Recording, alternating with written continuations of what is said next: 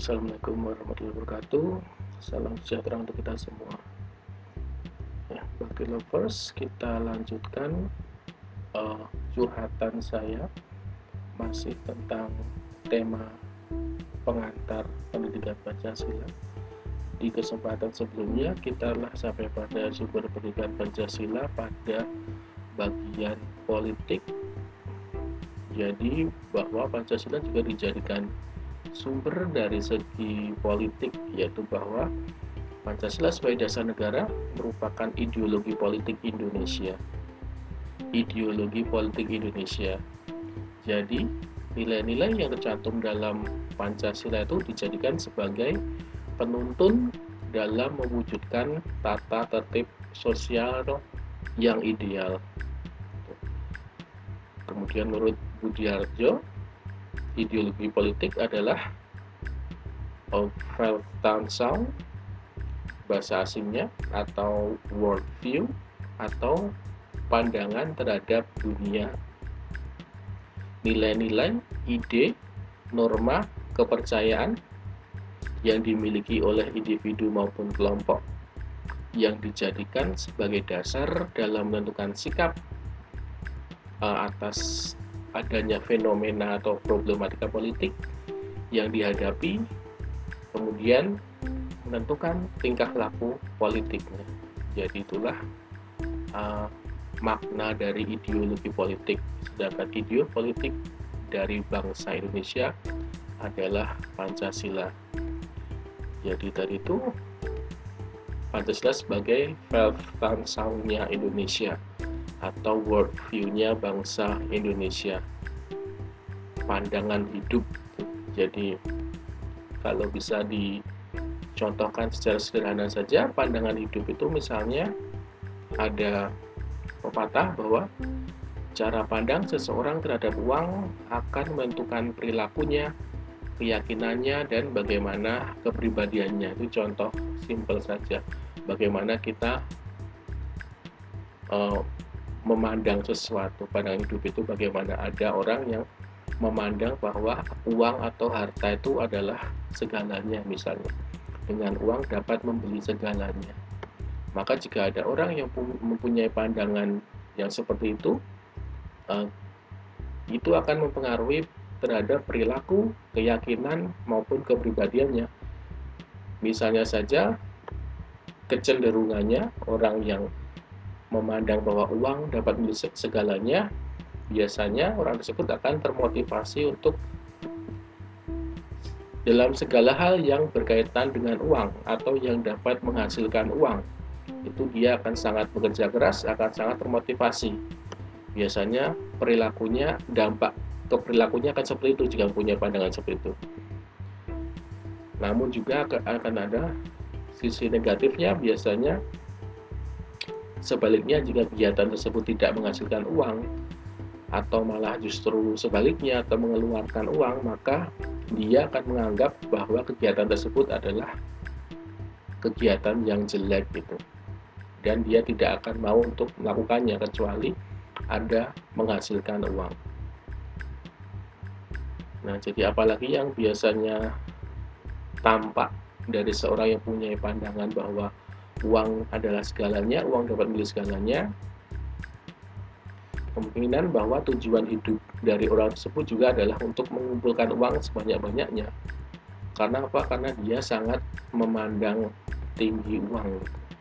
Jadi saat ada masalah dia akan berpikir sepele, kasih uang saja akan habis perkara atau KUHP gitu, kasih uang habis perkara gitu kalau diselesaikan. Itulah contoh dari cara pandang atau pandangan hidup.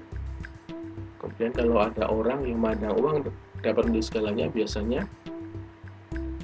uh, dia memandang orang lain itu juga didasari dari pundi-pundi uang orang lain tersebut. Asetnya banyak atau tidak. Jika orang tersebut uh, terlihat kumuh misalnya, terlihat sedikit uangnya, maka orang itu pun akan memandang rendah terhadap orang yang umur tersebut. Itu karena dia memandang bahwa uang adalah segalanya.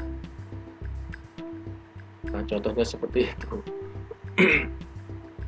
ya padahal bagi lovers kita kan tahu ya orang kaya itu kan tidak tidak satu definisi orang kaya itu seperti apa? Apakah orang kaya itu berarti yang punya banyak aset banyak uangnya itu berarti kaya? Apakah berarti ya bisa saja ada orang yang memang di kehidupan sehari-harinya dia tidak memegang uang banyak gitu. dompetnya pun tidak tebal tipis sekali dompetnya mungkin ada uang pun uang 50 ribu saja. Bisa saja orang seperti itu tapi orang tersebut mungkin menafkahi atau mempunyai banyak ratusan atau bahkan ribuan anak asuh dari panti asuhan misalnya. Karena dia jadi orang tua asuh. Apakah bisa dibilang bahwa orang tersebut miskin gitu? Karena dia tidak punya banyak uang tapi dia punya banyak banget anak asuh. Yang dia asuh yang dia dia biayai untuk sekolah. Apakah orang tersebut jadinya miskin gitu? Nah itu karena definisi dari orang kaya sendiri kan juga berbeda-beda. Kaya itu kaya yang seperti apa gitu. kemudian ada juga orang yang mungkin mempunyai iPhone lalu iPhone lalu ngupload di TikTok ini norak sekali gitu. Apakah itu disebut orang kaya? Padahal rumahnya dari backgroundnya aja sudah buruk gitu. Rumahnya cuma dari kayu gitu misalnya. Tapi bi bisa merendahkan orang lain eh HP kamu apa? HP kamu bukan iPhone ya? Ini kelihatan norak gitu. Apakah orang seperti itu jadi termasuk kaya gitu nah atau ataukah uh, ada orang yang punya mobil sport misalnya? Dia punya mobil sport ke mana-mana pakai mobil sport tapi ternyata mobil tersebut tidak pernah bayar pajak. Apakah seperti itu definisi orang yang kaya? Atau yang lain juga ada juga orang yang sukanya pergi ke mall gitu sukanya nongkrong di mall yang mewah gitu kemudian bikin video di TikTok merendahkan orang lain yang sukanya cuma nongkrong di uh, pedagang kaki lima. Apakah dengan suka nongkrong di mall yang mewah itu, lalu meskipun cuma video shopping, apakah dia disebut orang kaya gitu? Jadi ini cuma curhatan saja ya bagi lovers bahwa definisi kaya itu kaya dalam hal apa itu bisa kaya ilmu, kaya pengetahuan, kaya ibadah, kaya kaya kaya dalam bidang amal. Dan meskipun demikian tidak ada dari satu satupun dari kita yang punya hak untuk merendahkan orang lain yang kita anggap kita pandang tidak kaya. Jadi itulah teman-teman contohnya saja bahwa pandangan hidup juga bisa menentukan perilakunya keyakinannya maupun kepribadiannya. Sedangkan pandangan hidup kita dari bangsa Indonesia adalah dari nilai-nilai Pancasila karena Pancasila adalah tan sound dari bangsa Indonesia. Kemudian juga pandangan hidup berpolitik.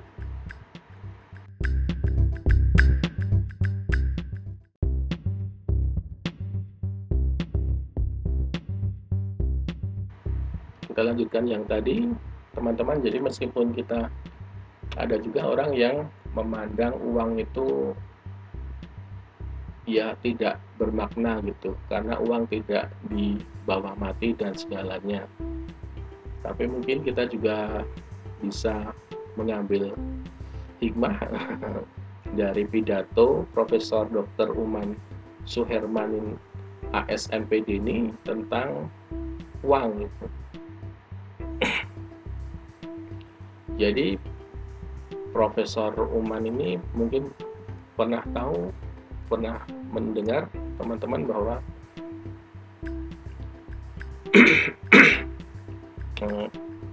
uang memang bukan segalanya gitu Profesor itu setuju. Namun kenyataan hidup segalanya membutuhkan uang. Kemudian ada juga lagi berpendapat uang tidak dibawa mati Pak lalu Pak Umannya bilang betul setuju uang tidak dibawa mati. Tapi tidak sedikit orang terasa mati kalau tidak punya uang. Uang itu hanya akan menjadi masalah Pak. Setuju. Tapi banyak masalah yang harus diselesaikan dengan uang. Kemudian saya mengutip lagi dari pidato beliau. Kemudian beliau bilang kalau sudah cinta gak ada urusan uang. Betul. Pak Uman bilang gitu tapi kalau cinta ada uang maka itu akan lebih indah. Kemudian beliau juga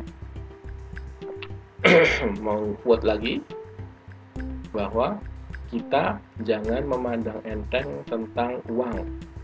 Tapi yang terpenting adalah carilah uang sebanyak-banyaknya dengan cara yang halal dengan cara kejujuran dengan tidak menyalahgunakan kewenangan maka menurut beliau di situlah dikatakan bahwa uang akan tepat berada di orang yang tepat dan uang tersebut akan memberikan keberkahan bagi semua orang. Itu pandangan hidup beliau seperti itu.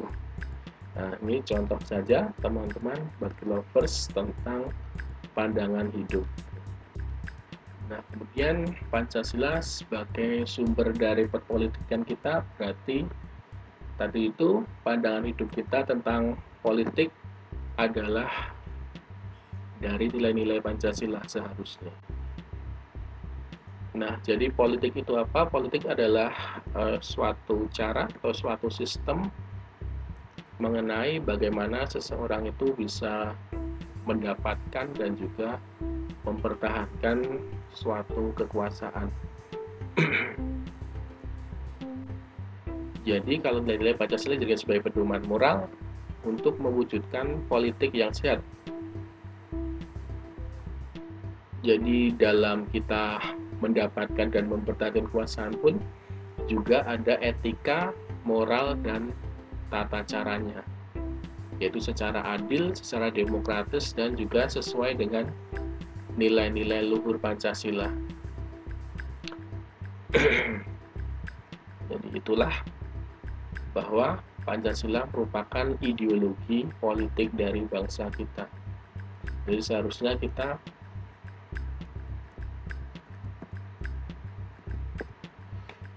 mengingat kembalilah tujuan dari politik itu apa. Kita bayangkan kalau seandainya tidak ada politik di suatu negara, maka e, untuk pergantian kekuasaannya bisa ya bisa terjadi kekacauan, bisa terjadi secara secara brutal misalnya secara berdarah-darah dalam dalam berebut kekuasaan itu. Dari pembunuhan, dari kudeta, melalui perang, melalui lalu intrik-intrik seperti itu maka diperlukan tata cara politik. Setiap orang berhak untuk menjadi pemimpin, menjadi wakil rakyat, menjadi pemimpin negara, tapi ada tata caranya, ada syarat-syaratnya. Dan juga kalau di negara kita demokrasi ini ya harus lewat pemilu. Jadi tata caranya sudah teratur, kita tidak akan berdarah-darah dalam dalam men, men, mencari, dalam mendapatkan dan juga mempertahankan kekuasaan. Sedangkan perpolitikan kita tetap harus didasarkan pada nilai-nilai Pancasila yaitu pada sila pertama tetap tercantum Sila pertama, ketuhanan yang Maha Esa sebagai basis nilai kesucian, moral, dan etika berpolitik. Kemudian sila keempat dilaksanakan melalui kedaulatan rakyat yang dituntun oleh hikmah kebijaksanaan. Untuk apa ada politik? Kita juga harus kembali lagi untuk apa kita melakukan politik, yaitu sila kelima, tujuan perpolitikan adalah untuk keadilan sosial bagi seluruh rakyat Indonesia. nah, jadi seharusnya kita ya ingat asal mula dari perpolitikan kita, tata caranya bagaimana, dasar kita melakukan politik itu apa, ketuhanan, dilakukan secara apa saja demokrasi tujuannya untuk apa? Tujuannya untuk keadilan sosial. Tapi kok politik yang ada sekarang semakin jauh dari etika dan moral. Bisa melalui serangan fajar misalnya. Eh, bisa juga melalui suap atau melalui money politik politik uang jadi seperti yang bisa menjabat yang bisa berkuasa adalah mereka yang paling banyak uangnya. Itu kan sama sekali bukan kedaulatan rakyat. Kalau itu sudah bukan jadi demokrasi negara kita tapi menjadi eh, oligarki atau suatu bentuk pemerintahan di mana penguasanya adalah orang yang paling kaya itu orang yang paling banyak uangnya.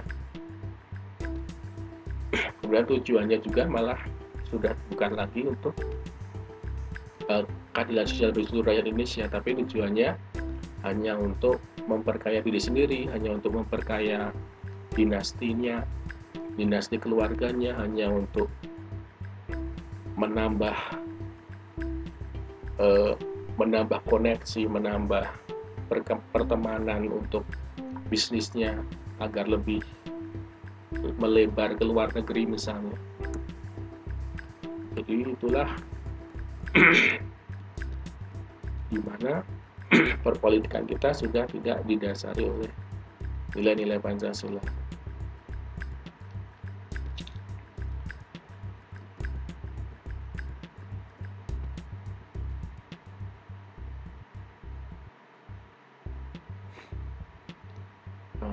lagi back to first.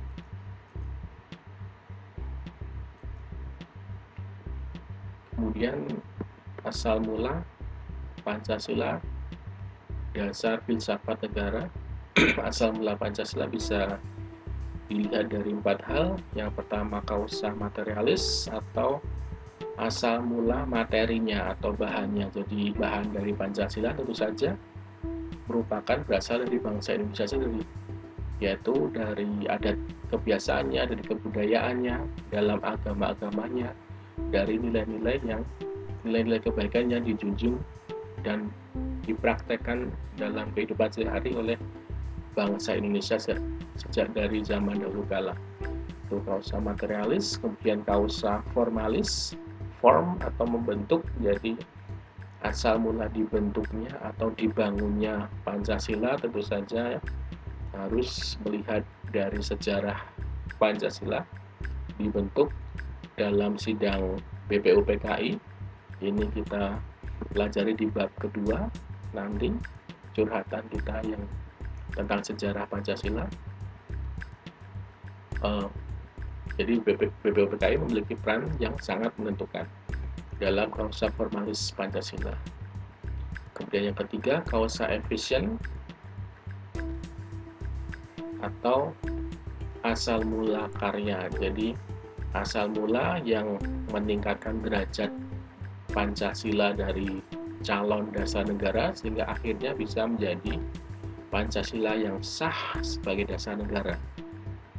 Yaitu dalam PPKI, sidang PPKI akhirnya menjadikan Pancasila mengesahkan sebagai dasar filsafat negara melalui pembahasan dalam sidang-sidangnya. Ini juga kita bahas di undang-undang saya yang kedua. Kemudian yang keempat, kausa finalis atau tujuannya, tujuan dari asal mula Pancasila adalah memang saat itu ditanyakan kita membentuk negara ini dasarnya apa. Jadi saat itu sidang BPUPKI mengadakan sidang memang tujuannya adalah untuk menemukan dasar negara. Sehingga akhirnya dicetuskanlah Pancasila tersebut sebagai dasar negara.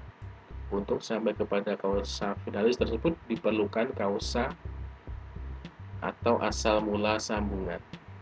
Jadi itulah teman-teman bagi lovers tentang asal mula Pancasila dari kausa materialis, kausa formalis, kausa efisien, dan kausa finalis.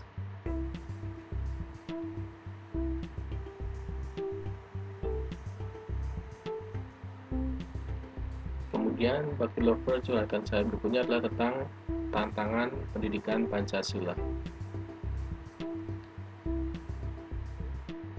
Nah, jadi Pancasila mengalami dinamika naik turun dan juga mengalami tantangan pendidikan Pancasila. Jadi, tantangan pendidikan Pancasila. E, antara lain saja, saya sebutkan yang pertama adalah adanya pihak-pihak yang menganggap bahwa pendidikan Pancasila merupakan pendidikan yang tidak perlu atau kurang bermanfaat karena tidak berhubungan dengan cara mendapatkan uang. Jadi pendidikan Pancasila ini dianggap pendidikan yang tidak berguna karena bukan pengetahuan tentang cara mendapatkan uang seperti ilmu ekonomi dan lain-lain gitu.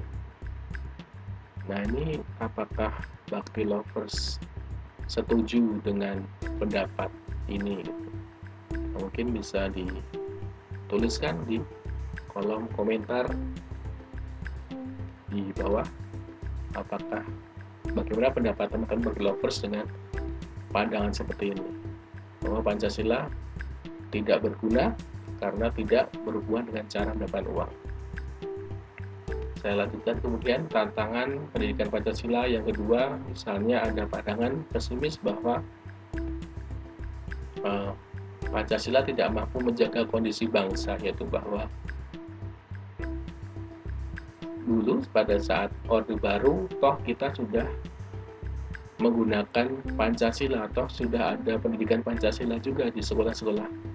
Tapi tetap ada banyak korupsi, kolusi, nepotisme sehingga tidak mampu menjaga kondisi ada krisis ekonomi, krisis moneter di tahun 1998 maka ada pandangan pesimis seperti itu bahwa ada Pancasila saja masih sama saja tetap kena krisis moneter jadi tidak berguna gitu pandangan tersebut. Contohnya pada tahun 1998 terdapat universitas di Padang yang menolak keberadaan pendidikan Pancasila karena terjadi krisis ekonomi saat dasar negara adalah Pancasila. Jadi saat Orde Baru meskipun Pancasila tetap dasar negara tapi toh sama saja ada krisis moneter. Bagaimana menurut teman-teman bagi lovers dengan pandangan seperti ini? Nah, saya lanjutkan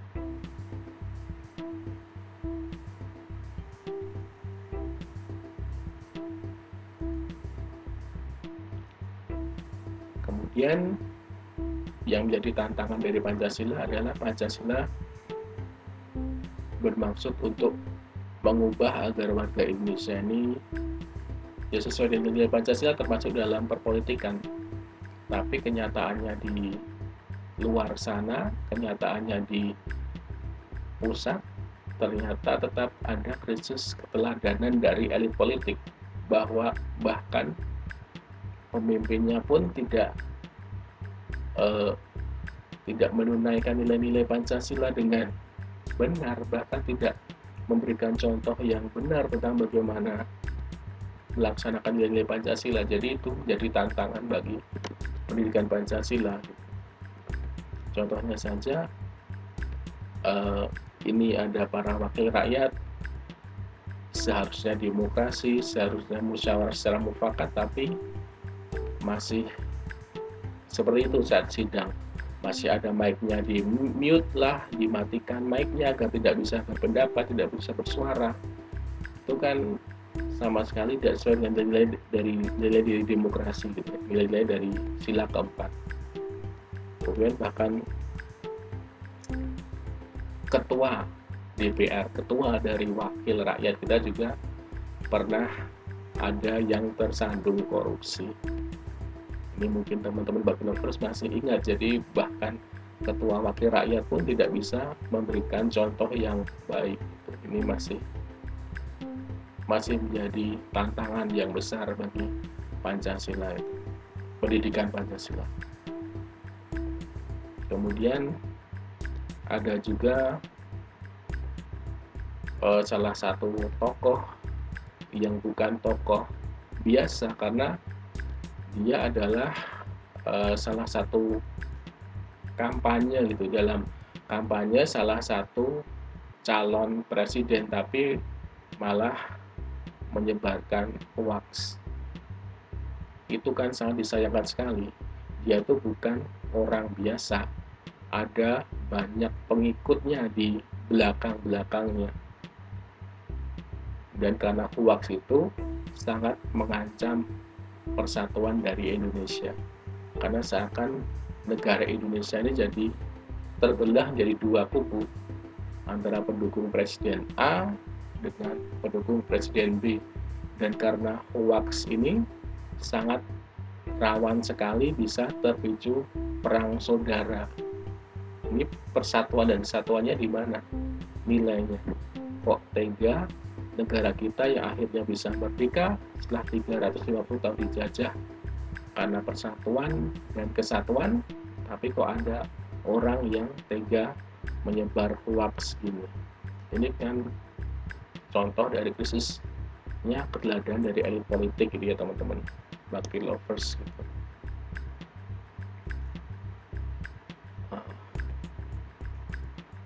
Lah kembali lagi tentang adanya pandangan pesimis Pancasila bahwa tidak mampu menjaga kondisi bangsa. Jadi pada tahun 1998 sebelum itu pada masa Orde Baru uh, dasar negara kita sudah Pancasila tapi tetap ada krisis moneter saya ibaratkan dengan ada tayangan GIF di slide ini tentang tentang ada dua orang yang tinggal di rumah yang besar tapi rumah tersebut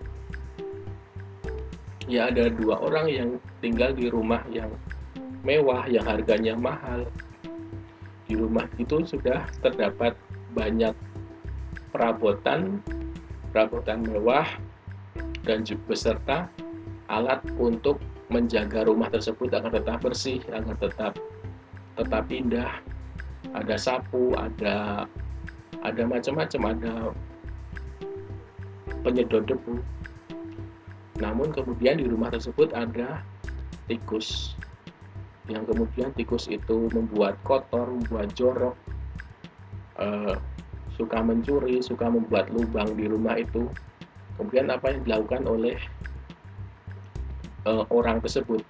Yaitu orang tersebut justru menggunakan senapan, menggunakan peledak untuk menghancurkan, untuk membunuh tikus itu. Tapi yang terjadi tentu saja justru rumahnya itu malah rusak, malah hancur. Jadi ini uh, perbandingan saja ya dengan keadaan jawaban dengan pandangan pesimis itu. Jadi memang pada saat itu bangsa Indonesia, bangsa Indonesia diberitakan sebagai rumahnya ini memang memiliki Pancasila. Tapi Pancasila pada saat Orde Baru itu tidak digunakan atau tidak diimplement, diimplementasikan sebagaimana mestinya. Ada banyak kecurangan saat pemilu, ada banyak korupsi, kolusi, dan nepotisme. Jadi ibaratnya memang di rumah tersebut, di negara masing tersebut memang ada memang ada alat, memang ada perabotan untuk menjaga rumah tersebut agar terus indah. Memang ada Pancasila, tapi saat itu perabotannya tidak digunakan, perabotannya hanya disimpan di gudang saja. Jadi saat Orde Baru itu Pancasila memang ada tapi tidak digunakan. Itulah yang menyebabkan rumah tersebut jadi rusak. Bangsa Indonesia jadi ada krisis moneter saat 98, ada kerusuhan dan lain-lain. Jadi bagaimana ya yang caranya bagaimana ya gunakan gunakan perabotan itu gunakan sapu gunakan pel gunakan perangkap tikus untuk menjaga rumah tersebut gunakan Pancasila untuk bisa menjaga Indonesia. Jadi in, eh, gambarannya seperti itu. Memang Pancasila saat itu ada tapi tidak digunakan atau tidak diterapkan dengan benar. Itulah jawaban dari pendidikan dari pandangan pesimis Pancasila tidak mampu menjaga kondisi bangsa.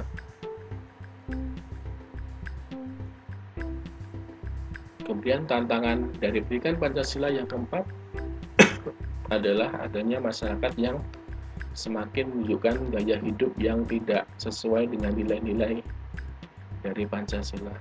Dari pemimpinnya juga tidak ada keteladanan, dari masyarakatnya juga ada perilaku yang semakin jauh dari nilai-nilai Pancasila misalnya ada hidup gemerlap, hidup dugem, hidup hedonisme. Kemarin sempat saya katakan hedonisme adalah paham yang menganggap bahwa orang hidup di dunia ini adalah hanya untuk mendapatkan kesenangan semata.